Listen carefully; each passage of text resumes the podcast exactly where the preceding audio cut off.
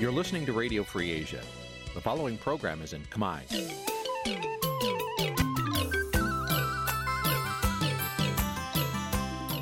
នេះជាកម្មវិធីផ្សាយ Vuthu Azizi Serai នេះជាកម្មវិធីផ្សាយរបស់ Vuthu Azizi Serai ជាភាសាខ្មែរ Vuthu Azizi Serai សូមស្វាគមន៍លោកអ្នកនាងទាំងអស់ពីរដ្ឋធានី Washington នៃសហរដ្ឋអាមេរិក។ ចាប់ពីរដ្ឋធានី Washington នាងខ្ញុំម៉ៅសុធានីសូមជម្រាបសួរលោកអ្នកស្ដាប់ទាំងអស់ជាទីមេត្រីចាយើងខ្ញុំសូមជូនការផ្សាយសម្រាប់ព្រឹកថ្ងៃប្រហ័ស7កើតខែកដិកឆ្នាំឆ្លូវត្រីស័កពុទ្ធសករាជ2565ហើយដល់ត្រូវនៅថ្ងៃទី11ខែវិច្ឆិកាគ្រិស្តសករាជ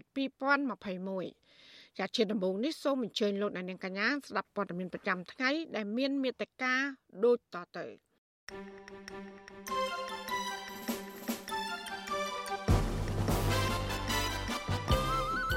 ព័ត៌មានបរទេសផ្សាយប្រងព្រាបពីការបដិញ្ញាតស៊ូរបស់ក្មេងប្រុសកសវណ្ណឆៃដើម្បីយុត្តិធម៌សង្គមកម្ពុជាដាក់ឲ្យដំណើរការកម្មវិធីភាពជាដៃគូមេកុងអូស្ត្រាលីមតកិច្ចចាប់បានអ្នកទោស3នាក់ក្នុងចំណោម7នាក់ដែលបានរត់គេចខ្លួនពីពន្ធនាគារខេត្តស្ទឹងត្រែង សមត្ថកិច្ចខេត្តបរសៃអនុអន្តរាគមដោះលែងបុគ្គលិក3នាក់ដែលបានចាញ់បោកធ្វើការឲ្យបនលបែងអនឡាញចិន រួមនឹងព័ត៌មានផ្សេងផ្សេងមួយចំនួនទៀតចាត់ជាបន្តទៅទៀតនេះនាងខ្ញុំម៉ៃសុធានីសូមជូនព័ត៌មានទាំងនោះពឺស្ដាប់ ចាលោកនាងជាទីមេត្រីសហរដ្ឋអាមេរិកនៅថ្ងៃទី10ខែវិច្ឆិកាប្រកាសដាក់ទណ្ឌកម្មមន្ត្រីយោធាជាន់ខ្ពស់កម្ពុជាពីររូបជំវិញការប្រព្រឹត្តអំពើពុករលួយពាក់ព័ន្ធនឹងគម្រោងសាងសង់និងកែលម្អកំពង់ផែកងទ័ពជើងទឹករៀមនៅក្រុងផាសីហនុ ចាមន្ត្រីយោធាជាន់ខ្ពស់កម្ពុជាតាំងពីរូបនោះរួមមាននាយឧត្តមសេនីយ៍ចៅភិរុនដែលមានតួនាទី ជាអគ្គនាយកនៃអគ្គនាយកដ្ឋានសម្ភារៈបច្ចេកទេស នៃក្រសួងការពារជាតិនិងនាយឧត្តមនាវីទាវិញ ដែលមានតួនាទីជាអគ្គមេបញ្ជាការរងនៃកងយុទ្ធពលខេមរៈភូមិន្ទនិងជាមេបញ្ជាការកងទ័ពជើងទឹក ចាក្រសួងរដ្ឋាភិបាលជាតិអាមេរិកប្រកាសនៅថ្ងៃទី10ខែវិច្ឆិកាថាការិយាល័យគ្រប់គ្រងទ្រព្យសម្បត្តិបរទេសរបស់ខ្លួន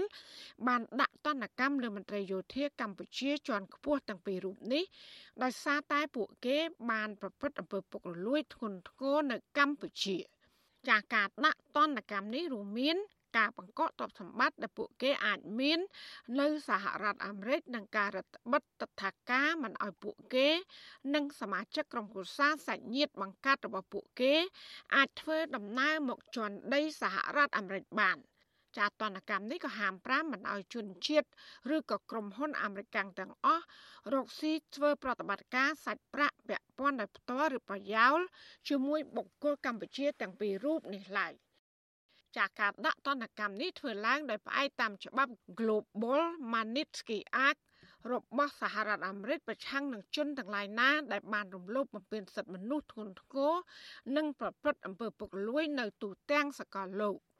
បើតាមក្រសួងការបរទេសអាមេរិកក្រៅទៅពីលោកចៅភិរុននិងលោកទាវិញសមាជិកក្រុមគូសាររបស់ពួកគេរួមមានកូនប្រុសបង្កើតរបស់ចៅភិរុនគឺលោកចៅភិរិត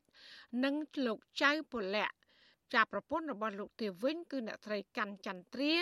និងកូនស្រីរបស់លោកទាវិញអ្នកស្រីទាលក្ខណានិងកូនប្រុសគឺលោកទាសុខាចាពួកគេទាំងនេះត្រូវបានរដ្ឋបិទទឹកថាការមិនអោយធ្វើដំណើរមកជន់ដីសហរដ្ឋអាមេរិកនោះឡើយ។ គិតត្រឹមម៉ោងផ្សាយនេះវិទ្យុអសីស្រីមិនអាចតាក់ទងអ្នកនាំពាក្យរដ្ឋាភិបាលលោកផៃស៊ីផានអ្នកនាំពាក្យក្រសួងការបរទេសលោកកុយគួងរដ្ឋមន្ត្រីក្រសួងការពារជាតិលោកទាបាញ់និងអ្នកនាំពាក្យគណៈបកប្រជាជនកម្ពុជាលោកសុកអេសាន ដើម្បីសុំប្រតិកម្មជំវិញរឿងនេះបាននៅឡើយទេដោយសារតែពួកលោកមិនលើកទូរស័ព្ទកាលពីយប់ថ្ងៃទី10ឈានចូលព្រឹកថ្ងៃទី11ខែវិច្ឆិកា។ ចាប់ប្រធានការិយាល័យគ្រប់គ្រងទ្រព្យសម្បត្តិបរទេសនៃក្រសួងរដ្ឋាភិបាលជាតិអាមេរិកអ្នកស្រី Andrea Gacki ថ្លែងក្នុងសេចក្តីប្រកាសព័ត៌មានថាសហរដ្ឋអាមេរិកនឹងមិនឈរអោបដៃនៅសង្ងំស្គៀមស្របពេលដែលមន្ត្រីប្រព្រឹត្តអំពើពុករលួយកំពុងទទួលបានផលប្រយោជន៍ដោយផ្ទាល់ក្នុងពេលដែលប្រជាពលរដ្ឋកម្ពុជាគឺជាអ្នកខាតបង់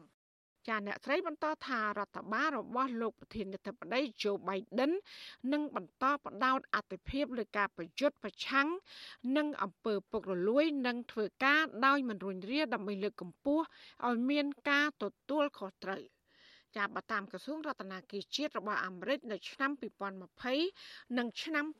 2021លោកចៅភិរុនបានរួមគំនិតកេងចំណេញពីសកម្មភាពពាក់ព័ន្ធនឹងការសាងសង់និងកែលម្អបរិវេណនិងអគារកំពង់ផែកងទ័ពជើងទឹករៀមចាប់បន្ថែមលើនេះទៀតលោកចៅភិរុនលោកទាវិញ និងមន្ត្រីរដ្ឋាភិបាលកម្ពុជាដទៃទៀត ក៏ទំនងជាបានរួមគំនិតខ្លាំគ្នាបំពងថ្លៃដើម នៃការសាងសង់និងកែលម្អបរិវេណនិងអាគារនៅកំពង់ផែកងទ័ពជើងទឹករៀមហើយពួកគេបានទទួលផលប្រយោជន៍ដោយផ្ទាល់ពីគម្រោងទាំងនោះ ចាក្រសួងរដ្ឋាភិបាលជាតិអាមេរិកបានដឹងថាលោកទាវិញ និងលោកចៅភីរុនមានគម្រោងការចែកលុយគ្នាពីថាវការដែលពួកគេបានកេងប្រវាញ់យកពីគម្រោងកែលម្អកំពង់ផែកងទ័ពជើងទឹករៀមក្រសួងរដ្ឋាភិបាលជាតិអាមេរិកគូសបញ្ជាក់ថាការដាក់ទណ្ឌកម្មនេះគឺជាសារមួយបង្ហាញឲ្យឃើញពីកិច្ចប្រឹងប្រែងជាបន្តបន្ទាប់របស់រដ្ឋាភិបាលអាមេរិកក្នុងការដាក់ទណ្ឌកម្មធ្ងន់ធ្ងរ ប្រឆាំងនឹងបុគ្គលទាំងឡាយណា ដែលមានជាប់ពាក់ព័ន្ធក្នុងការប្រព្រឹត្តអំពើពុករលួយនៅកម្ពុជា និងនៅទូទាំងសកលលោកដែលឡែកក្រសួងការបរទេសអាមេរិកវិញគូសបញ្ជាក់ថាការដាក់ទណ្ឌកម្មនេះគឺជាការបញ្ជាក់ឡើងវិញនៃការបដិញ្ញាចិត្តរបស់សហរដ្ឋអាមេរិក ក្នុងការផ្ដល់ការគ្រប់គ្រងដល់ប្រជាពលរដ្ឋកម្ពុជា និងបំណងប្រាថ្នារបស់ពួកគេដើម្បីឲ្យមាននៅអនាគតមួយប្រកបដោយសន្តិភាព វិបុលភាពលទ្ធិប្រជាធិបតេយ្យនិងសមភាព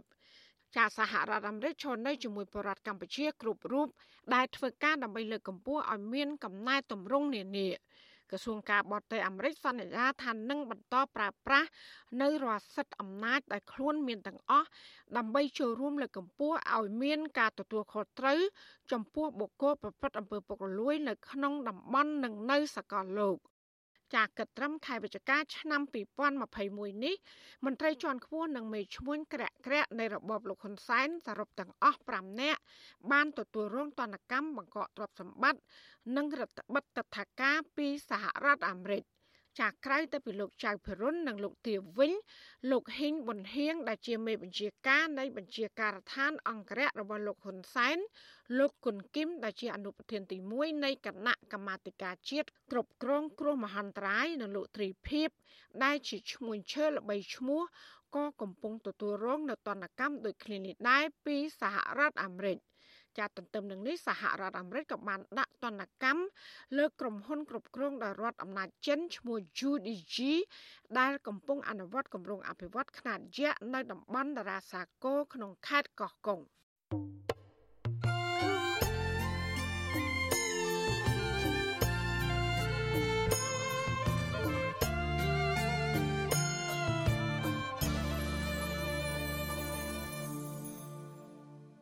ចាលោកនាងជាទីមេត្រីសារព័ត៌មានបរទេសបានចុះផ្សាយប្រងព្រាតអំពីក្មេងប្រុសកសវណ្ណឆៃដែលមានជំងឺខ្សោយបញ្ញាស្មារតី Autism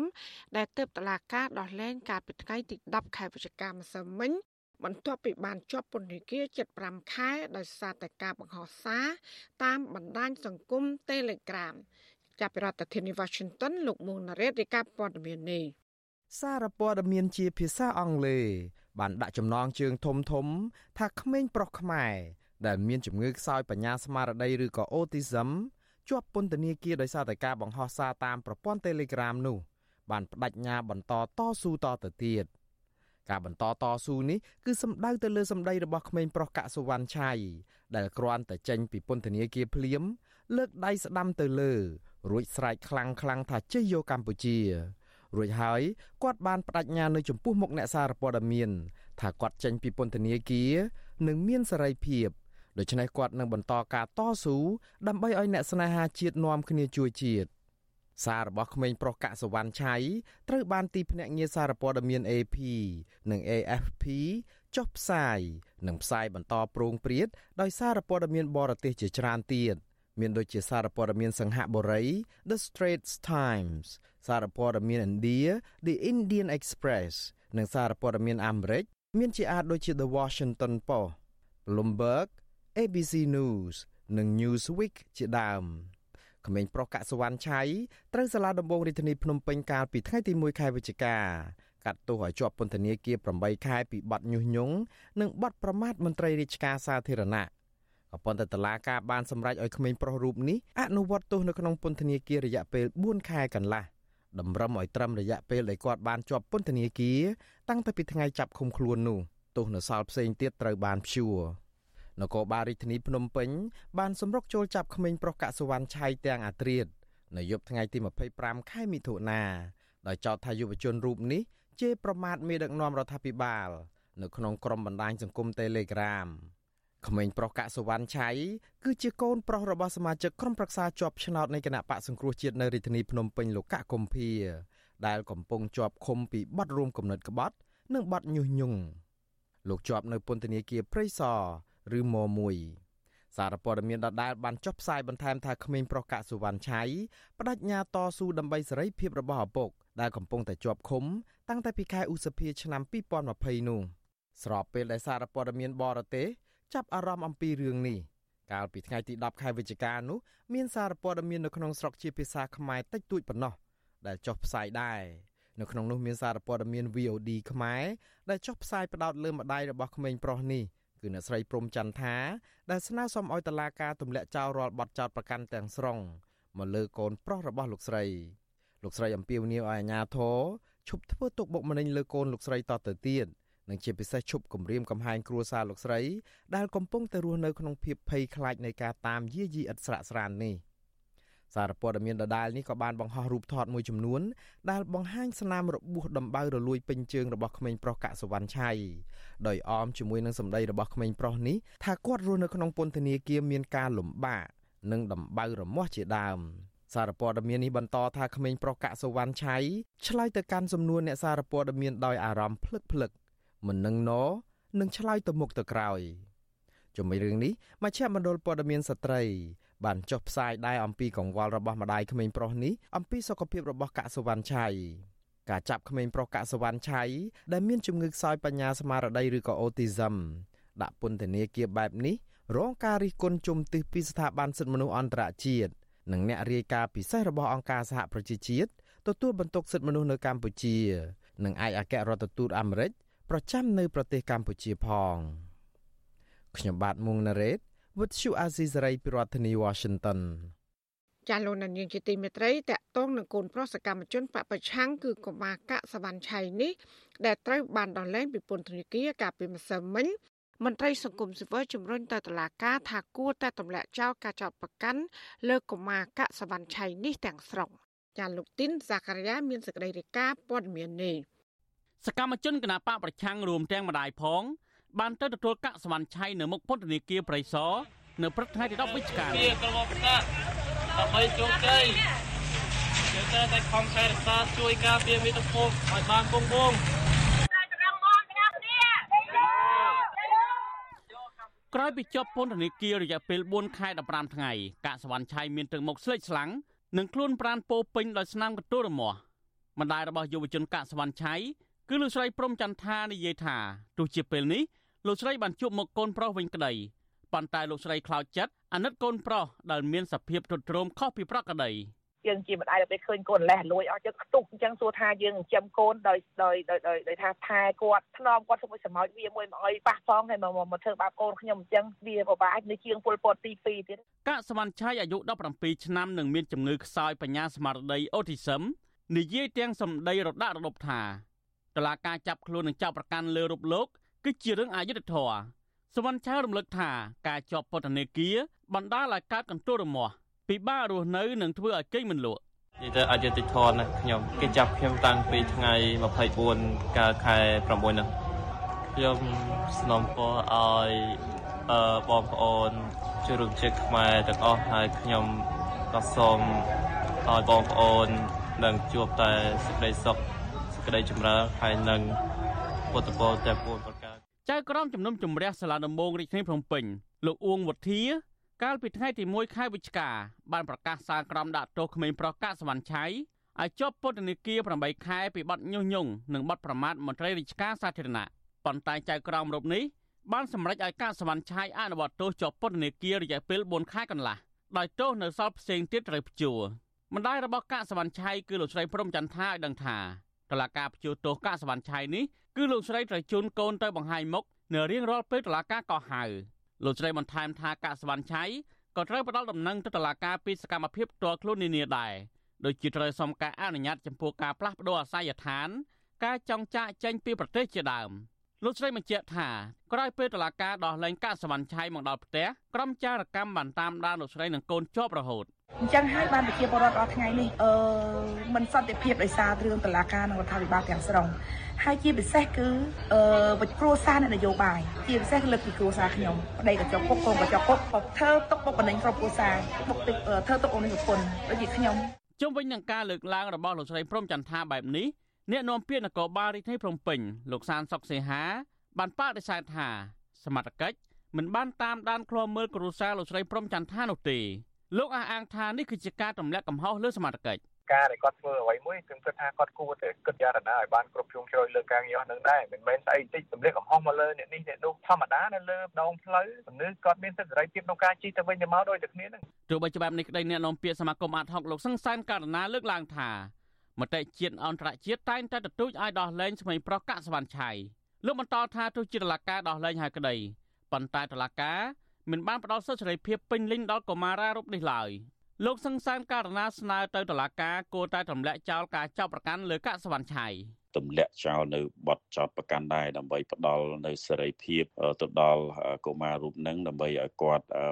អាចធ្វើការរស់នៅនៅក្នុងសង្គមគ្រួសាររបស់គាត់នឹងដោយពុំមានការភ័យខ្លាចក្នុងការធ្វើសកម្មភាពអីផ្សេងផ្សេងដែលពាក់ព័ន្ធទៅនឹងជីវភាពរស់នៅក្នុងគ្រួសាររបស់ពួកគាត់នឹងបាទតើតើនឹងការលើកឡើងរបស់មន្ត្រីសង្គមស៊ីវិលបែបនេះ វិទ្យុអាស៊ីសេរីមិនអាចតាក់ទងប្រធានសាលាដំបងរាជធានីភ្នំពេញលោកតាំងសុនឡាយដើម្បីសំសួរអំពីបញ្ហានេះបានទេនៅថ្ងៃទី10វិច្ឆិកានគរបាលរាជធានីភ្នំពេញបានសម្រុកចូលចាប់យុវជនកាកសវណ្ណឆៃទាំងយប់អាត្រៀតកាលពីយប់ថ្ងៃទី25ខែមិថុនាដែលចោទថាយុវជនរូបនេះជេរប្រមាថមេដឹកនាំរដ្ឋាភិបាលក្នុងក្រុមបណ្ដាញសង្គម Telegram ចំណែកឪពុករបស់កាកសវណ្ណឆៃវិញជាសមាជិកក្រុមរក្សាជាប់ឆ្នោតនៃគណៈបកសង្គ្រោះជាតិរាជធានីភ្នំពេញគឺលោកកកកំភៀ កំពុងជាប់ពន្ធនាគារប្រៃសណម1នៅឡើយទេលោកកកកំភៀជាប់ចោតពីបទរូបនិតក្បត់និងញុះញង់រយៈពេលចុងក្រោយនេះតឡាការបានដោះលែងសកម្មជនបរិស្ថាន និងសកម្មជនគណបកប្រឆាំងមួយចំនួនដោយអ្នកខ្លះបានអនុវត្តទោសនៅពន្ធនាគារគ្រប់ចំនួននិងអ្នកខ្លះទៀតត្រូវបានតឡាការដោះលែងហើយទោសនៅសល់ត្រូវព្យួរតើតើនឹងបញ្ហានេះក្រុមអ្នកឃ្លាំមើលសិទ្ធិមនុស្សអះអាងថាតឡាការរបបលហ៊ុនសែននៅតែបាត់សិទ្ធិសេរីភាពសកម្មជនគណបកប្រឆាំង សកម្មជនសង្គមនិងបរិស្ថានទាំងនេះដដែលទោះបីជាដោះលែងហើយក៏ដោយខ្ញុំទីនសាការីយ៉ាអសិនសេរីប្រធានីវ៉ាស៊ីនតោនចាលោកនាងជាទីមេត្រីតកតងនឹងការចាប់បញ្ជូនសកម្មជនគណៈបកសង្គ្រោះជាតិ2នាក់ត្រឡប់ទៅកម្ពុជាវិញនេះវិទ្យុអសីស្រីនៅមិនទាន់អាចសាកសួរព័ត៌មានបន្ថែមពីអាជ្ញាធរថៃបាននៅឡើយទេ កាលពីថ្ងៃទី10ខែវិច្ឆិកាម្សិលមិញ ចាកាលពីថ្ងៃទី9ខែវិច្ឆិកាអនុប្រធានការិយាល័យប៉ូលីសអន្តរប្រវេសថៃលោកប៉ាត់ពុំពីប៉ាត់សាចាប៉ាន់បានប្រាប់វិទ្យុអសីស្រីបណ្ណានូថាសមត្ថកិច្ចប៉ូលីសថៃពុំទទួលបានព័ត៌មានរបស់អ្នកដែលត្រូវចាប់ខ្លួននោះទេ នៅពេលដែលអ្នកយកព័ត៌មានទាំងនោះចោទសួរពីករណីបាត់ខ្លួន លោកវឿនវាសនានិងលោកវឿងសំណាងកាលពីថ្ងៃទី8ខែវិច្ឆិកា thank you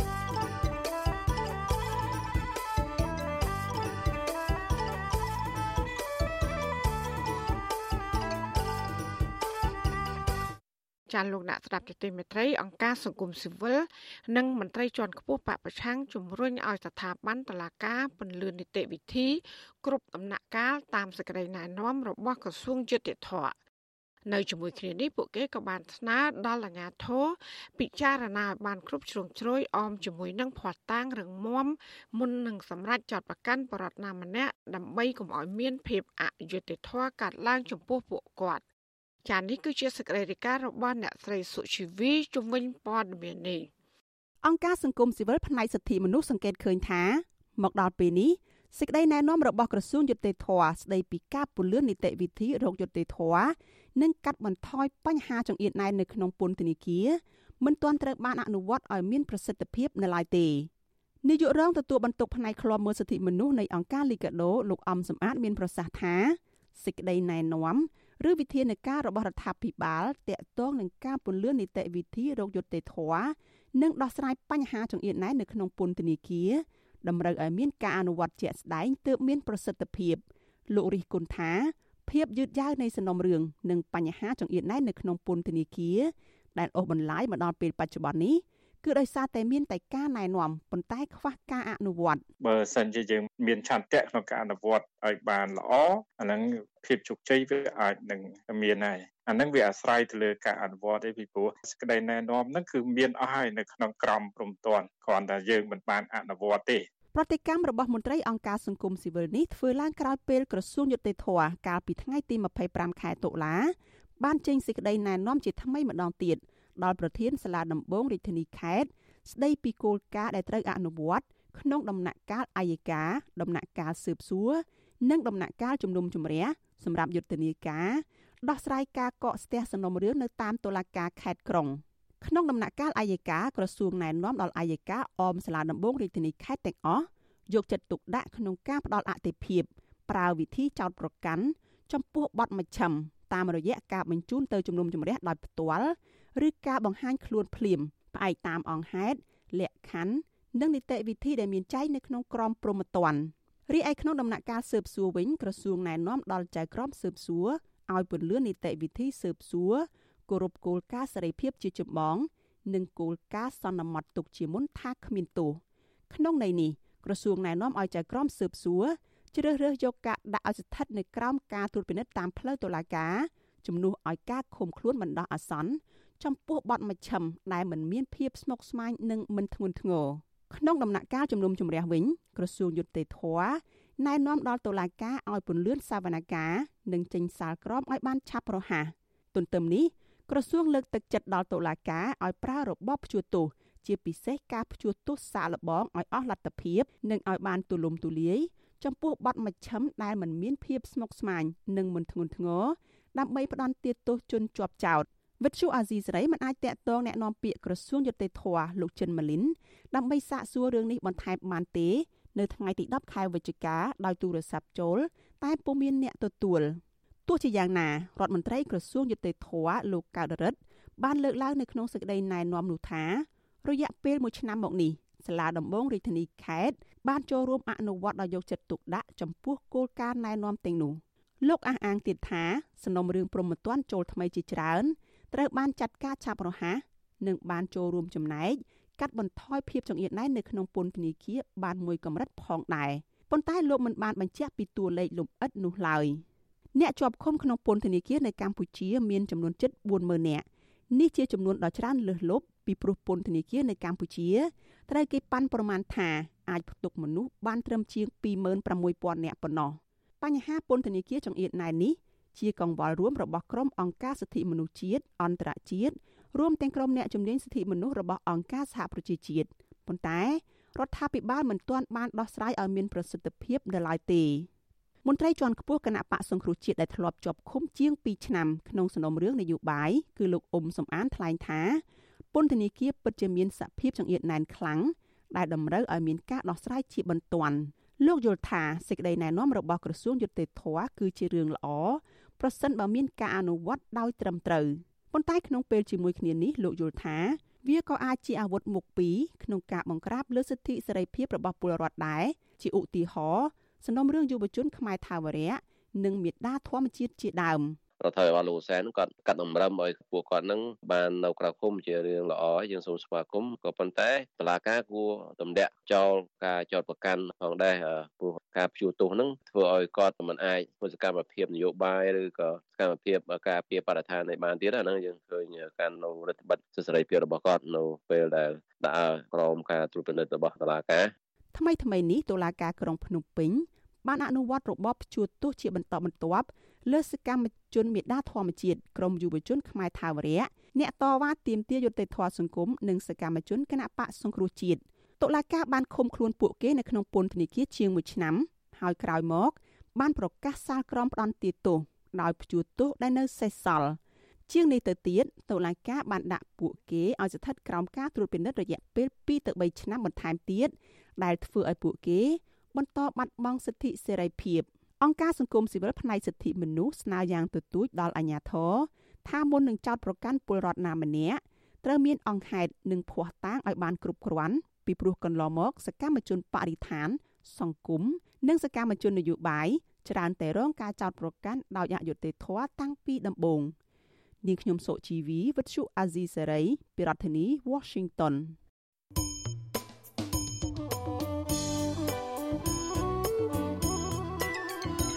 លោកអ្នកនាងកញ្ញាកំពុងស្ដាប់ការផ្សាយរបស់វិទ្យុអាស៊ីសេរីផ្សាយចេញពីរដ្ឋធានី Washington ជាវិទ្យុអស៊ីស្រីផ្សាយតាមរលកធាតុអាកាសខ្លីឬ short wave តាមកម្រិតនិងកម្ពស់ដូចតទៅពេលព្រឹកចាប់ពីម៉ោង5កន្លះដល់ម៉ោង6កន្លះតាមរយៈរលកធាតុអាកាសខ្លី9390 kHz ស្មើនឹងកម្ពស់32ម៉ែត្រ ហើយនឹង11850 kHz ស្មើនឹងកម្ពស់ 25ម៉ែត្រចាសម្រាប់ពេលយប់វិញចាប់ពីម៉ោង7កន្លះដល់ម៉ោង8កន្លះគឺតាមរយៈរលកធាតុអាកាសខ្លី9390 kHz ស្មើនឹងកម្ពស់ 32ម៉ែត្រហើយនឹង15155 kHz ស្មើនឹងកម្ពស់ 20ម៉ែត្រចាសសូមអរគុណ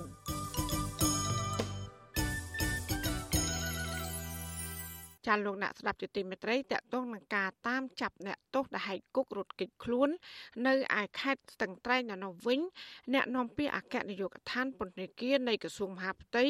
លោកនុតសាវណ្ណាប្រាប់សារព័ត៌មានក្នុងស្រុកកាលពីម្សិលមិញថាសមត្ថកិច្ចចម្រុះចាប់បានអ្នកទោសដែលបានរត់គេចខ្លួនចំនួន3នាក់បានមកវិញ និងកំពុងបន្តតាមចាប់អ្នកទោស4នាក់ថែមទៀត ចាសមត្ថកិច្ចចាប់អ្នកទោសពាក់ព័ន្ធនឹងបទល្មើសគ្រឿងញៀនទាំង3នាក់នោះនៅក្នុងភូមិសាស្ត្រខេត្តស្ទឹងត្រែងសារព័ត៌មាននៅក្នុងខេត្តស្ទឹងត្រែងរាយការណ៍ថាសមត្ថកិច្ចចាប់អ្នកទោសម្នាក់បានកាលពីយប់ថ្ងៃទី9ខែវិច្ឆិកានិង2នាក់ទៀតនៅល្ងាចថ្ងៃទី10ខែវិច្ឆិកា ស្នងការដ្ឋាននគរបាលខេត្តតឹងត្រែងបានប្រកាសកាលពីម៉ោង3ទៀបភ្លឺថ្ងៃទី8ខែវិច្ឆិកាថាមានអ្នកទោស7នាក់បានវាយទម្លាយជញ្ជាំងគុកដោយប្រើប្រដាប់ខួងដែកត្រសេះកំណាត់ឈើនិងមានខ្នើយភួយដើម្បីទប់មិនឲ្យលឺសំឡេងខ្លាំងរួចក៏នាំគ្នារត់គេចខ្លួនតែម្ដង ពន្ធនាគារខេត្តតឹងត្រែងធ្លាប់មានអ្នកទោស5នាក់ដែលបានលួចរត់គេចខ្លួន កាលពីឆ្នាំ2018ក៏ប៉ុន្តែសមត្ថកិច្ចបានដេញចាប់អ្នកទោសទាំងនោះបានមកវិញ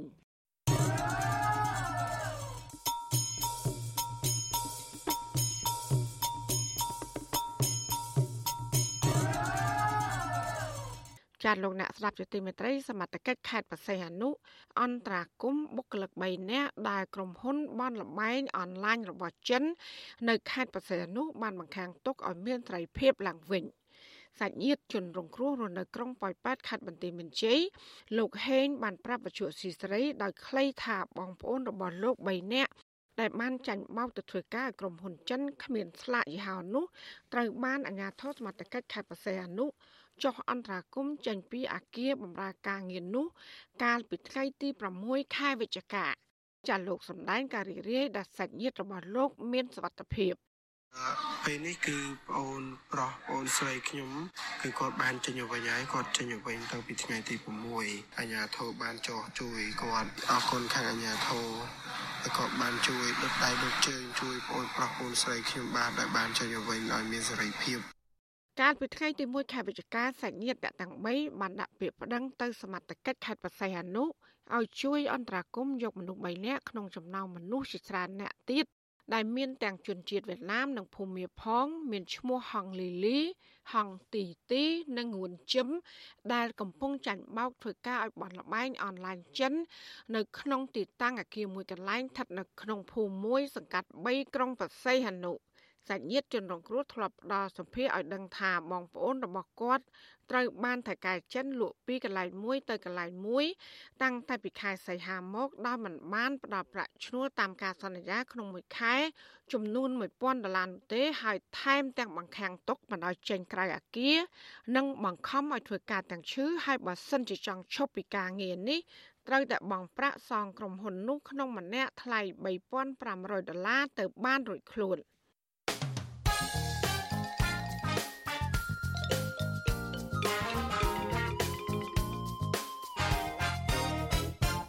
លោកអ្នកនាងកញ្ញាកំពុងស្ដាប់ការផ្សាយរបស់វិទ្យុអាស៊ីស្រីផ្សាយចេញពីរដ្ឋធានី Washington ពជាកសិករមួយចំនួននាំគ្នាបោះបង់មុខរបរធ្វើស្រែប្រាំងនៅឆ្នាំនេះដោយសារតែបញ្ហាតម្លៃជីថ្នាំសម្រាប់សត្វល្អិត ហើយនឹងសាំងឡើងថ្លៃខ្លាំងតើពួកគេមានសំណូមពរអ្វីខ្លះដល់រដ្ឋាភិបាលឲ្យជួយពួកគេចាសសេចក្តីរាយការណ៍ពិស្ដារអំពីរឿងនេះលោកអ្នកនាងនឹងបានស្ដាប់នាពេលបន្តិចទៀតនេះចាសសូមអរគុណ ចាលោកអ្នកស្ដាប់ទទីមេត្រីអ្នកខ្លំមើលព្រៃឈើអះអាង ថាមូលហេតុដែលធ្វើឲ្យព្រៃឈើបាត់បង់ច្រើន គឺបណ្ដាលមកពីរដ្ឋាភិបាលអសមត្ថភាព ក្នុងកិច្ចការពារព្រៃឈើគឺពុំមែនមកពីប្រជាពលរដ្ឋកັບឈើដើម្បីសង់លំនៅឋាននោះឡើយ ចាពួកគេសង្កេតឃើញថាមូលហេតុចម្បងមួយទៀតដែលធ្វើឲ្យប្រៃឈើងាយរងគ្រោះដោយសារតែមន្ត្រីរដ្ឋាភិបាល ប្រព្រឹត្តអំពើពុករលួយហើយរដ្ឋាភិបាលនៅតែមិនព្រមដោះស្រាយចាលោកមានរិទ្ធមានសេចក្តីរាយការណ៍ពីរឿងនេះពីរដ្ឋធានី Washington សកម្មជនការពារព្រៃឈើបន្តទៀមទាអរដ្ឋាភិបាលផ្ដោតដំណោះស្រាយចំពោះវិបត្តិព្រៃឈើជាបន្ទាន់ដើម្បីសង្គ្រោះធនធានធម្មជាតិដែលនៅសេសសល់ឲ្យបានគង់វង្ស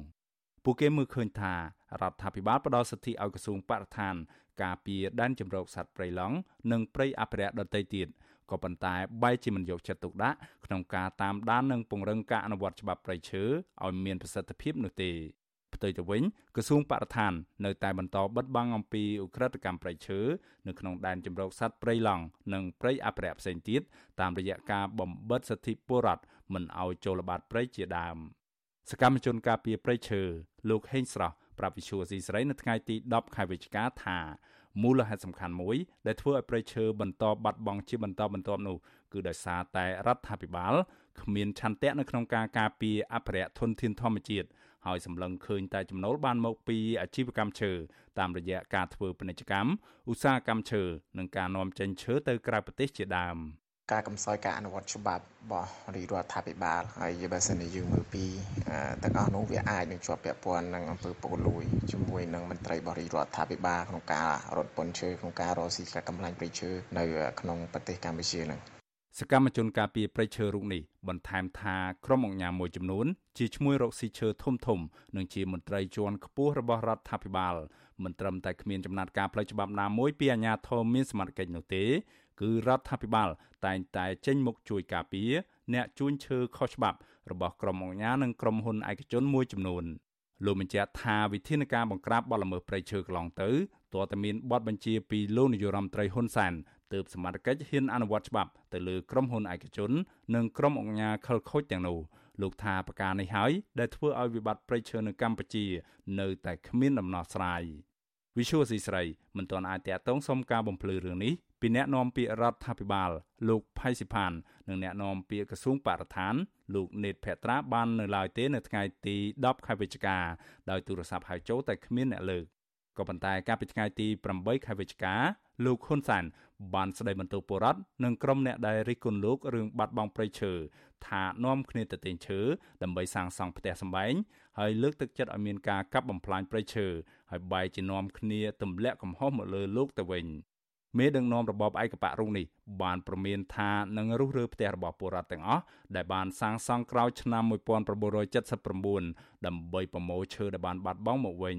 ឥឡូវដើម្បីប្រមូលឈើមកវិញវាយកំតិចផ្ទះចោលទាំងអស់អាណាកសាងក្រោយឆ្នាំ79វាយយកទាំងអស់ព្រោះឈើវានៅក្នុងផ្ទះអ្នកទាំងនោះទ្វារបង្អួចស្អីស្អីនោះនៅក្នុងផ្ទះហ្នឹង ម្នាក់ម្នាក់នាំគ្នាជេរទៅហ៊ុនសែនអស់ឈើបដោយគេកាប់ឈើវាអាណាបដោយទេប៉ុន្តែវាឈើទៅគេត្រូវកាប់អានេះកាប់តិចទៅអានោះកាប់តិចទៅជុំវិញរឿងរ៉ាវនេះសកម្មជនប្រៃឡង់លោកហ៊ឿនសុភិបសង្កេតឃើញថាថ្នាក់ដឹកនាំរដ្ឋតែងតែសន្យារាប់ម្ដងបដិញ្ញាការពីប្រៃឈើឲ្យបានគង់វង្សក៏ប៉ុន្តែมันបានអនុវត្តដោយតាមការសន្យានោះទេ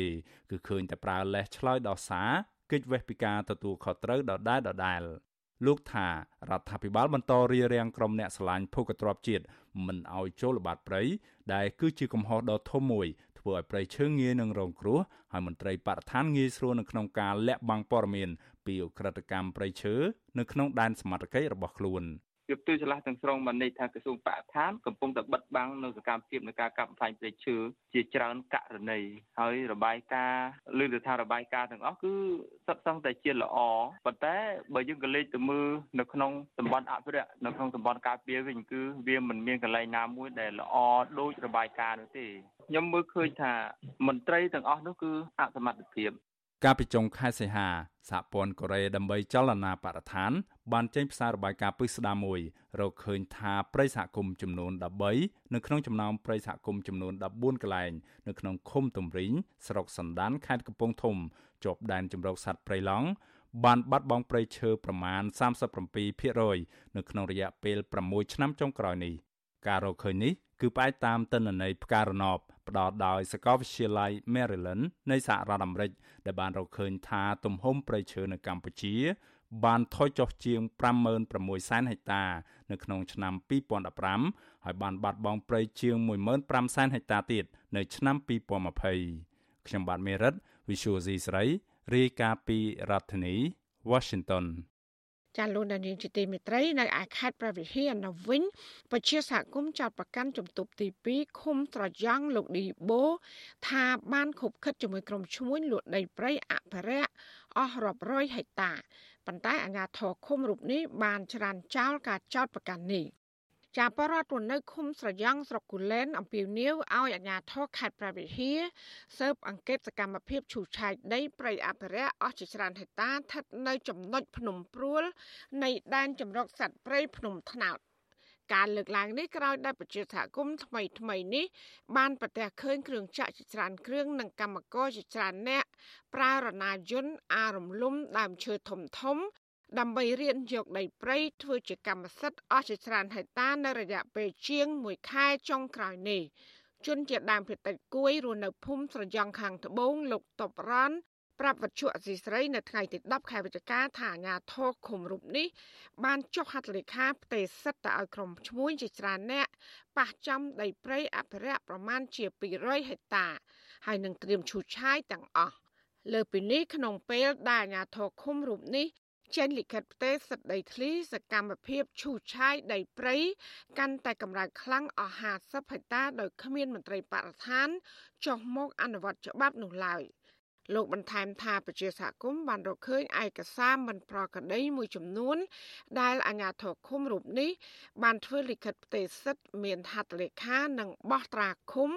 ដើម្បីប្រកល់ដីព្រៃអភិរក្សទ្រង់ទ្រាយធំនេះទៅឲ្យក្រុមឈ្មួញឈូសឆាយ។ 200ហើយមានអាមលឿងដៃហ្នឹងនៅក្បែរក្បែរហ្នឹងគឺគេចាប់មលឿងដៃមួយសាយបានគេចាប់បានឈូសអញ្ចឹងបើកាប់អាកាប់ដៃហ្នឹងគេចាប់ឡើងអស់លីងហើយគេចាប់ដៃហ្នឹងជួគឺជួដូចជាអ្នកស្រុកអ្នកភូមិអញ្ចឹងក្នុងមហា50ម៉ឺន60ម៉ឺនអញ្ចឹងដើម្បីឲ្យទទួលសិនអញ្ចឹងណាឆ្លើយតបការចាប់ប្រកាន់នេះជំទប់ទី2ឃុំស្រយ៉ង់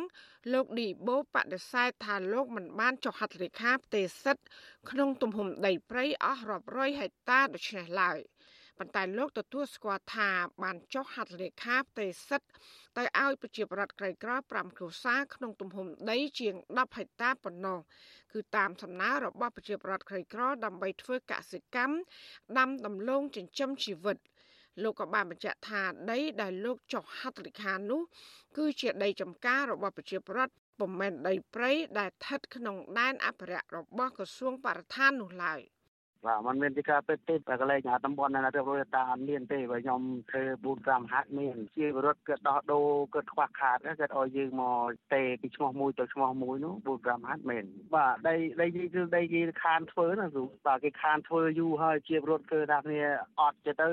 គេធ្វើអាឆ្លាស់ដាំដលង4 5ហាត់ទៅដល់ពេលគេចុះគេលក់ឲ្យទៅបងប្អូនមួយទេទៅ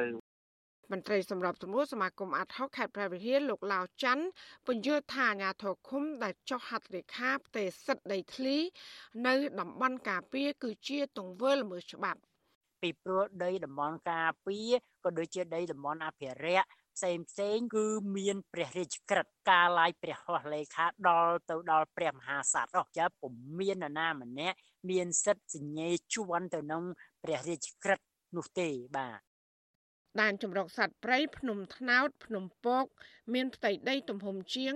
42000ហិកតាស្ថិតនៅក្នុងស្រុកសង្គមថ្មី ស្រុកគូលែនខេត្តប្រាវិហា និងស្រុកឈីក្រែងខេត្តសៀមរាប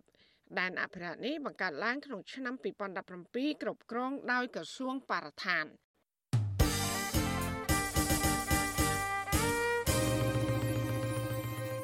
ចាលោកអ្នកស្ដាប់ជាទីមេត្រីកម្ពុជានិងអូស្ត្រាលីប្រកាសដាក់ឲ្យដំណើរការកម្មវិធីភាពជាដៃគូមេគង្គអូស្ត្រាលីដែលក្រុងចំណាយថវិកាសរុប232លានដុល្លារអូស្ត្រាលីឬស្មើជាង168លានដុល្លារអាមេរិកសម្រាប់រយៈពេល4ឆ្នាំ។ ចាការប្រកាសដាក់ឲ្យដំណើរការកម្មវិធីនេះធ្វើឡើង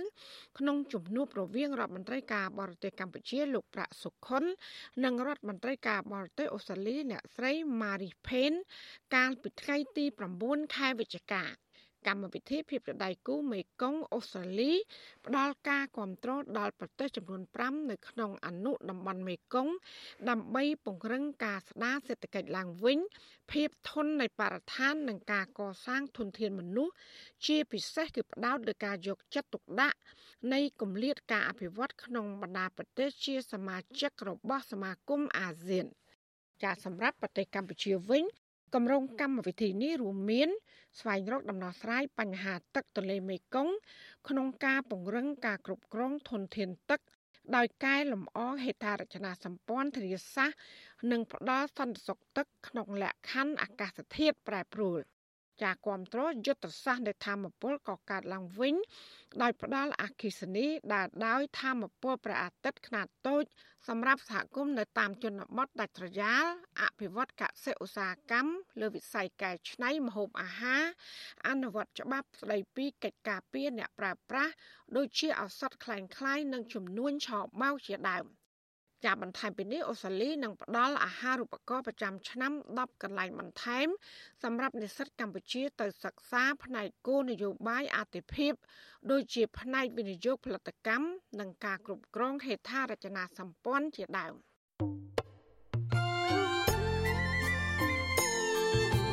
ចាលោកនាងកញ្ញាជាទីមេត្រីក្រៅតែពីការតាមដានកម្មវិធីផ្សាយរបស់វិទ្យុអាស៊ីសេរីតាមបណ្ដាញសង្គម Facebook YouTube Telegram លោកអ្នកក៏អាចតាមដានកម្មវិធីផ្សាយរបស់យើងតាមរយៈបណ្ដាញសង្គម Instagram របស់អាស៊ីសេរីបាន តាមរយៈតំណ link www.instagram.com/rfa ខ្មែរចាអាស៊ីសេរីនឹងបន្តខិតខំផ្សព្វផ្សាយព័ត៌មានពិត ទៅកាន់បងប្អូនតាមរយៈបណ្ដាញសង្គមផ្សេងៗនិងសម្បូរបែប ដើម្បីឲ្យលោកអ្នកនាងងាយស្រួលតាមដានការផ្សាយរបស់អសីស្រីគ្រប់ពេលវេលា ហើយគ្រប់ទីកន្លែងតាមរយៈទូរស័ព្ទដៃរបស់លោកអ្នកចាសសូមអរគុណ ចាលោកនាងជាទីមេត្រីប្រជាកសិករមួយចំនួននាំគ្នាបោះបង់មុខរបរធ្វើស្រែប្រាំងនៅឆ្នាំនេះចាកសិករខ្លះបានកាត់បន្ថយការដាំដុះដំណាំនិងបន្លែដោយសារតែបញ្ហាតម្លៃជីថ្នាំសម្រាប់សត្វល្អិត និងសាំងឡើងថ្លៃខ្លាំងចាសង្គមស៊ីវិលជំរុញទៅក្រសួងជំនាញទប់ស្កាត់ការឡើងថ្លៃជីថ្នាំនិងសាំងដើម្បីជួយឲ្យប្រជាពលរដ្ឋមានទឹកចិត្តធ្វើស្រែនិងបង្កើនការដាំដុះឡើងវិញ ចាសអ្នកស្រីខែសំណងរាយការណ៍ពីស្ដារអំពីរឿងនេះកសិករស្ទើរគ្រប់ខេត្តកំពុងពិចារណាក្នុងការបោះបង់របរកសិកម្មនិងគិតរកវិធីចំណាក់ស្រុកវិញក្រោយពីតម្លៃជីថ្នាំកសិកម្មនិងប្រេងសាំងនៅឆ្នាំនេះឡើងថ្លៃខ្ពស់សឹងនឹង2ដងទៅនឹងតម្លៃឆ្នាំមុនទន្ទឹមនឹងគ្នានេះតម្លៃកសិផលវិញនៅតែទាបនិងគ្មានទីផ្សារលក់ចេញដដែល កសិករម្នាក់នៅព្រំដែនកម្ពុជាវៀតណាមក្នុងស្រុកអង្គរបូរីខេត្តតាកែវលោកផាន់ប៊ុនហៀងឲ្យដឹងថាកសិករពេញកម្លាំងបាននាំប្រពន្ធចំណាក់ស្រុកទៅរកការងារសំណង់ឬរោងចក្រនៅភ្នំពេញធ្វើអស់ហើយដោយទុកឲ្យកូនតូចៗនៅផ្ទះជាមួយជីដូនចំណែកកសិករវ័យជ្រេបន្តិចគឺដូចជាគ្រួសាររបស់លោកផាន់ប៊ុនហៀងជាដើមនោះនៅតែបន្តប្រថុយខ្ចីលុយធនាគារធ្វើស្រែបន្តទៀតព្រោះមិនដឹងថាទៅរកការងារអ្វីធ្វើបានក្រៅពីមុខរបរធ្វើស្រែនេះ ពួកខ្ញុំជាកសិករអញ្ចឹងហើយមានមុខរបរតាខាងធ្វើស្រែធ្វើចំការប៉ុណ្ណឹងកាលណាយើងទោះបីថាវា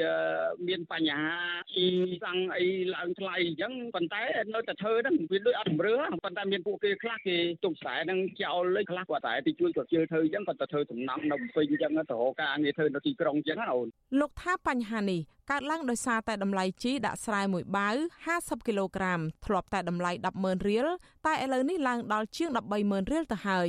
ឯថ្នាំសម្រាប់សត្វល្អិតថ្នាំសម្រាប់ស្មៅនៅក្នុងស្រែដែលមានបរិមាណ1ដបចំណុះ1លីត្រឡើងពីក្រោម10000រៀលដល់ជាង10000រៀលដែរការឡើងថ្លៃជីថ្នាំកសិកម្មនិងប្រេងសាំងនេះក៏បណ្ដាលឲ្យប៉ះពាល់ដល់ក្រុមកសិករខាងដាំបន្លែផងដែរកសិករដាំបន្លែនៅម្ដុំស្រុកស្អាងនិងស្រុកកោះធំខេត្តកណ្ដាលក៏កំពុងពិចារណាផ្អាកមុខរបរនេះដែរដោយសារតែចំណាយថ្លៃដើមច្រើនជាងមុនឯតម្លៃកសិផលធ្លាក់ថ្លៃ កសិករដាំសាឡាត់និងបន្លែបង្ការផ្សេងៗទៀតនោះនៅក្នុងឃុំទឹកវិលស្រុកស្អាងឲ្យដឹងថាតម្លៃជី ថ្នាំនិងប្រេងសាំងពិតជាឡើងថ្លៃហួសសមត្ថភាពកសិករមែនលោកព្រួយបារម្ភថាបើថ្លៃដើមទាំងអស់នេះនៅតែមិនព្រមធ្លាក់ថ្លៃវិញទេកសិករកាន់តែច្រើននឹងបង្ខំចិត្តកាត់បន្ថយការដាំដុះឬឈានទៅដល់ផ្អាកដាំមួយរយៈសិនយោមទៅនៅស្រុកនេះដូចថាវាអោកវាអីក៏ដូចប្រជាជនដូចថាគាត់ចេះធ្វើតិចតួចចឹងណាគាត់ថាថយដៃជាងមុនអាពីមុនធ្លាប់ធ្វើច្រើនចឹងទៅដល់ពេលវាថ្លៃចឹងទៅគេគេធ្វើបន្ថយធ្វើថយផ្ទៃដីធ្វើអីចឹងកសិករដាំបន្លែនៅម្ដុំស្រុកស្អាងនិងស្រុកកោះធំនិយមប្រើប្រាស់ជីកសិកម្មនិងថ្នាំសម្លាប់សត្វល្អិតដែលផលិតនាំចូលពីប្រទេសថៃតែយ៉ាងណាលោកយូលេងប្រាប់ថាទាំងជីវៀតណាម និងជីថៃ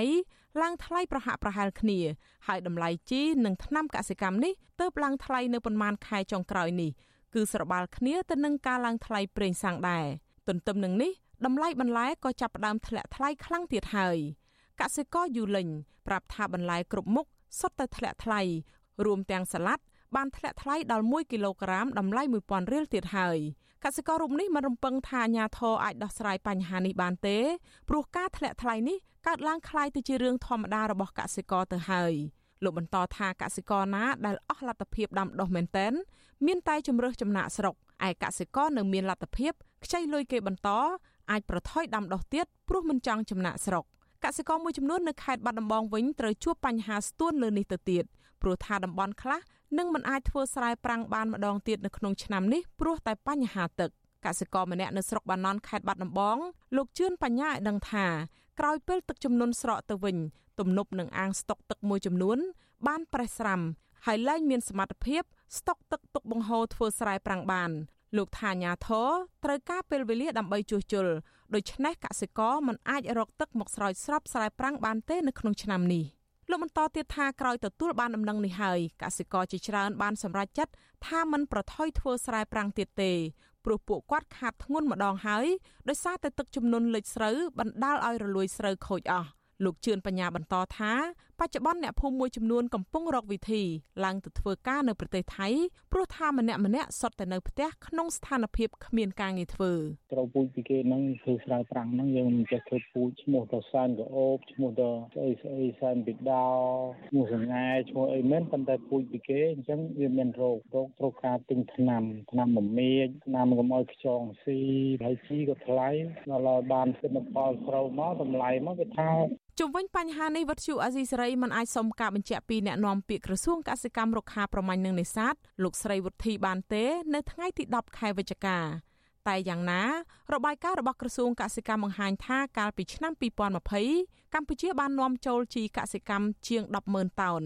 និងនាំចូលថ្នាំកសិកម្មជាង1លានតោន។ សង្គមស៊ីវិលហៅការឡើងថ្លៃជីថ្នាំកសិកម្មនិងប្រេងសាំងថាជាបន្ទុកបន្ថែមទៀតរបស់កសិករដែលត្រូវរ៉ាប់រងខណៈដែលពួកគាត់ត្រូវប្រឈមនឹងបញ្ហាគ្មានទីផ្សារលក់កសិផលហើយនោះប្រធានសមាគមកសិករដើម្បីអភិវឌ្ឍជីវភាព លោកសុំម៉ាណែតយល់ថាមានតែជំរើសមួយគត់ដែលអាចជួយកសិករបាន គឺអាជ្ញាធររដ្ឋត្រូវតែធ្វើយ៉ាងណារកវិធីទប់ស្កាត់តម្លៃជីថ្លៃថ្នាំកសិកម្មនិងប្រេងសាំងឲ្យនៅថ្លៃទាបដូចរាល់ឆ្នាំវិញ។ លោកសុំម៉ាណែតព្រួយបារម្ភថាប្រសិនបរដ្ឋាភិបាលមិនអាចជួយកាត់បន្ថយថ្លៃដើមបានទេកសិករនឹងអាចលក់ស្រែចម្ការចោលឬលក់ដីផ្ទះដើម្បីដោះបំណុលហើយក្រោយការលក់ផ្ទះពួកគាត់នឹងត្រូវនាំគ្នាចំណាក់ស្រុករកការងារធ្វើនៅទីក្រុង ឬចំណាក់ស្រុកទៅក្រៅប្រទេសរដ្ឋាភិបាលគាត់អត់មានការលើកទឹកចិត្តអីចឹងដូចជាក្រសួងកសិកម្មគាត់អត់លើកទឹកចិត្តឲ្យកសិករក្នុងការដាំដុះអញ្ចឹងដូចជាហេតុធ្វើគាត់បោះបង់ការដាំដុះហើយធ្វើឲ្យប៉ះបន្លែសម្រាប់គ្រប់គ្រងប្រជាជនយើងនៅក្នុងស្រុកបើខំចិត្តត្រូវតែយើងទៅយកបន្លែពីគេមកប្រទេសជាតិខាងមកដើម្បីយកគ្រប់គ្រងឲ្យប្រជាជនយើងគ្រប់គ្រាន់សង្គមស៊ីវិលសង្កេតឃើញថាចាប់តាំងពីឆ្នាំ2020មកកសិករបានធ្លាក់ឬឈានទៅដល់ការបាត់បង់ថ្លៃដើមទាំងស្រុង ដោយសារការលក់កសិផលក្នុងតម្លៃទាបក្នុងស្ថានភាពកម្ពុជាបិទគប់ដើម្បីបង្ការការឆ្លងរាលដាលជំងឺ Covid-19 ទន្ទឹមនឹងគ្នានេះរដ្ឋាភិបាលក៏មិនបានដាក់ចេញគោលនយោបាយថ្នាក់ជាតិដើម្បីគ្រប់គ្រងដល់វិស័យកសិកម្មដែរចា៎នាងខ្ញុំខែសុណងវັດឈុអាស៊ីសេរីរាយការណ៍ពីរដ្ឋធានី Washington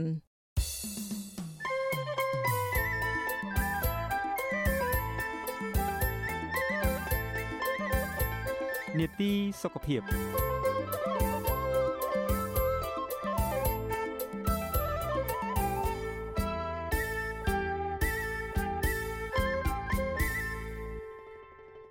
ចាលោកនាងជាទីមេត្រីក្នុងអំឡុងពេលជាង1ឆ្នាំ នៃការឆ្លងរាលដាលសកលនៃជំងឺ Covid-19 ក្រុមគ្រូពេទ្យជំនាញវិទ្យាសាស្ត្រតម្រូវឲ្យបរដ្ឋទូទៅរក្សាអនាម័យឲ្យបានខ្ជាប់ខ្ជួនរួមមានពាក់ម៉ាស់គម្លាតសង្គមនិងលាងដៃញឹកញាប់ជាដើម ដើម្បីទប់ស្កាត់ ការឆ្លងរាលដាលនៃជំងឺ Covid-19 ចាទន្ទឹមការអនុវត្តអនាម័យល្អនេះដែរជំងឺគ្រុនផ្ដាសាយធំតាមរដូវក៏បានកាត់បន្ថយយ៉ាងគំហុកហើយមិនដែលមានពីមុនមកទេនៅប្រទេសកម្ពុជា និងនៅសហរដ្ឋអាមេរិក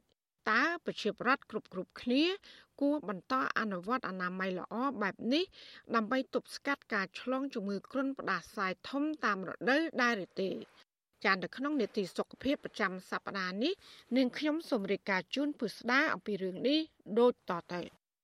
ជំងឺគ្រុនផ្ដាសាយតាមរដូវនិងជំងឺ Covid-19 គឺជាជំងឺឆ្លងផ្លូវដង្ហើមបណ្ដាលមកពីវីរុសឬមេរោគខុសៗគ្នាជំងឺគ្រុនផ្ដាសាយតាមរដូវបង្កឡើងដោយវីរុសឈ្មោះ Influenza A ឬ B ដែលបណ្ដាលឲ្យអ្នកជំងឺក្តៅខ្លួនក្អក ឈឺកហៀសម្បោរតឹងច្រមុះឈឺក្បាលឈឺខ្លួនប្រាណនិងអស់កម្លាំងជាដើម ហើយដែលរោគសញ្ញាទាំងនោះស្រដៀងគ្នាទៅនឹងរោគសញ្ញានៃមេរោគឬវីរុស SARS-CoV-2 ដែលនាំឲ្យកើតជំងឺ Covid-19 នោះដែរចាជំងឺគ្រុនផ្ដាសាយតាមរដូវអាចចម្លងមេរោគឬវីរុសពីអ្នកជំងឺទៅមនុស្សម្នាក់ទៀតត្រដៀងគ្នា ទៅនឹងអ្នកដែលកើតជំងឺ Covid-19 ដែរ ទាំងជំងឺផ្ដាសាយនិងជំងឺ Covid-19 អាចចម្លងយ៉ាងឆាប់រហ័សតាមរយៈដំណក់ទឹកតូចតូចដែលចេញពីច្រមុះឬមាត់របស់អ្នកជំងឺនៅពេលដែលក្អកឬកណ្ដាស់និងប៉ះពាល់ដោយផ្ទាល់ឬប្រយោលជាមួយអ្នកជំងឺតាមរយៈការប្រើប្រាស់វត្ថុរួមគ្នានិងការប៉ះពាល់លើផ្ទៃឬក៏កន្លែង ដែលលាយឡំជាមួយនឹងដំណក់ទឹកតូចតូចរួចក៏ប៉ះភ្នែកច្រមុះឬមាត់ហើយនឹងបន្តឆ្លងចូលទៅដល់សួត ចាំម្ចាស់ clinic មេតានៅរាជធានីភ្នំពេញលោកវិជ្ជបណ្ឌិតហៀងរតនាមានប្រសាសន៍ប្រាប់វិទ្យុអសីស្រីថាពលរដ្ឋភៀសច្រើនយល់ដឹងពីអត្ថប្រយោជន៍នៃការចាក់វ៉ាក់សាំងបង្ការជំងឺផ្ដាសាយមុនពេលដែលកម្ពុជា បានចាប់ផ្ដើមយុទ្ធនាការចាក់វ៉ាក់សាំងការពារជំងឺ Covid-19 ទៅទៀត លោកបន្តថាចាប់តាំងពីការអនុវត្តអនាម័យល្អដើម្បីបង្ការការឆ្លងរាលដាលនៃជំងឺ Covid-19 មកអត្រាអ្នកឆ្លងជំងឺគ្រុនផ្ដាសាយតាមរដូវមានការធ្លាក់ចុះយ៉ាងខ្លាំងនៅស្រុកខ្មែរដូចខលច្រើនអត់ទៅឃើញមានអ្នកជំងឺផ្ដាសាយធំច្រើនទេទីមួយ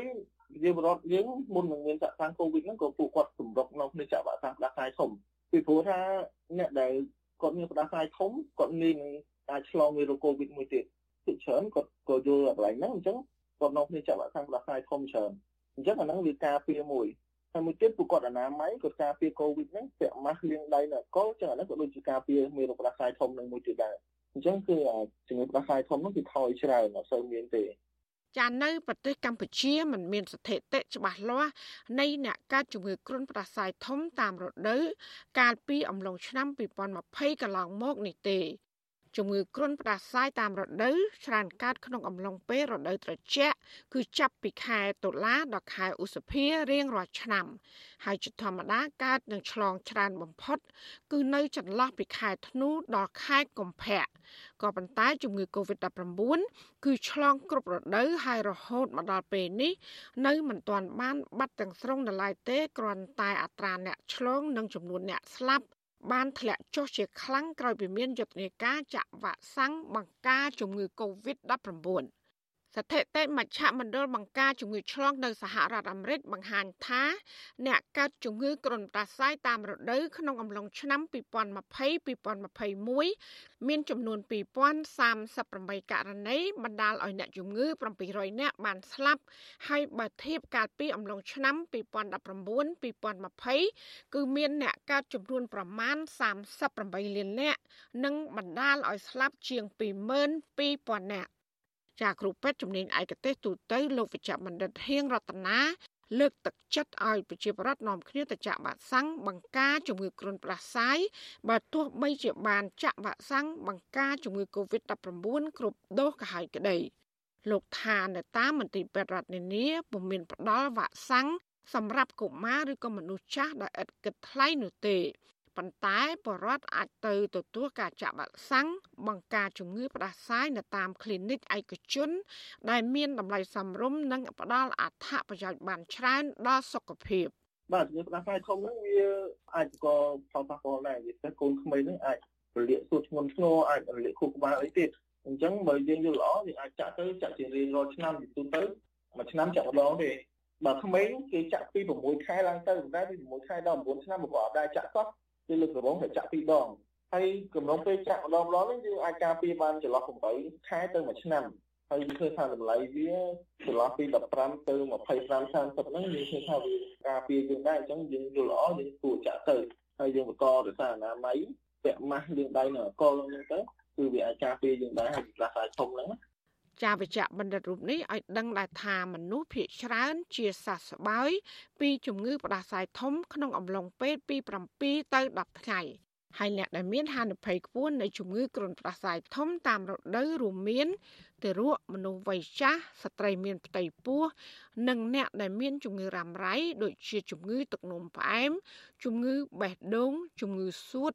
អ្នកកើតជំងឺអេដជាដើម។ ចាស់ចំណែកគ្រូពេទ្យជំនាញផ្នែកជំងឺទូទៅខ្មែរអមេរិកាំងលោកវិជ្ជបណ្ឌិតសៀងសេងមានប្រសាសន៍ពីរដ្ឋកាលីហ្វ័រញ៉ាថាក្រុមគ្រូពេទ្យជំនាញមានក្តីបារម្ភថារដូវកាលនៃការឆ្លងផ្ដាសាយធំនៅឆ្នាំនេះអាចកើនឡើងច្រើនវិញដោយសារតែមានបរិវត្តខ្លះមិនចង់ពាក់ម៉ាស់និងធ្វើគម្លាតសង្គមនៅពេលដែលចេញទៅក្រៅផ្ទះ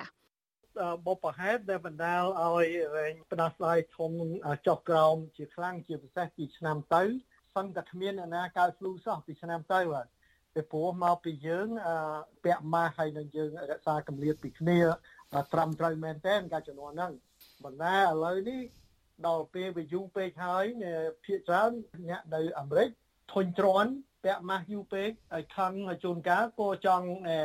ឲ្យមានសេរីភាពក្នុងការដោះម៉ាស់ដល់អញ្ចឹងហើយទាំងខ្ញុំទាំងអ្នកវិទ្យាសាស្ត្រទៀតទៀតមានជំនឿថាឆ្នាំនេះ flu កាន់តែច្រើនជាងឆ្នាំទៅបាទចាទាំងគ្រូពេទ្យជំនាញនៅកម្ពុជានិងនៅសហរដ្ឋអាមេរិកផ្ដល់យោបល់ដូចគ្នាថាវិធីដ៏ល្អបំផុតដើម្បីទប់ស្កាត់ការឆ្លងជំងឺគ្រុនផ្ដាសាយធំតាមរដូវនិងជំងឺ Covid-19 គឺប្រជាប្រដ្ឋគ្រប់រូបត្រូវតែចាក់វ៉ាក់សាំងបង្ការនិងរក្សាអនាម័យឲ្យបានល្អខ្ជាប់ខ្ជួនក្នុងនោះរួមមានពាក់ម៉ាស់គម្លាតសង្គមលាងដៃនិងសាប៊ូឲ្យបានញឹកញាប់ហើយប្រសិនបើក្អកឬកណ្ដាស់ ត្រូវប្រើក្រដាសខ្ទប់មាត់ច្រមុះរួចបោះចោលភ្លាម ឬក៏ប្រើកែងដៃខ្ទប់មាត់និងច្រមុះចាបន្ថែមពីនេះអ្នកជំងឺត្រូវបរិភោគអាហារមានជីវជាតិទទួលទានទឹកឲ្យបានច្រើន គេងសម្រាកឲ្យបានគ្រប់គ្រាន់ និងហាត់ប្រាណជាដើម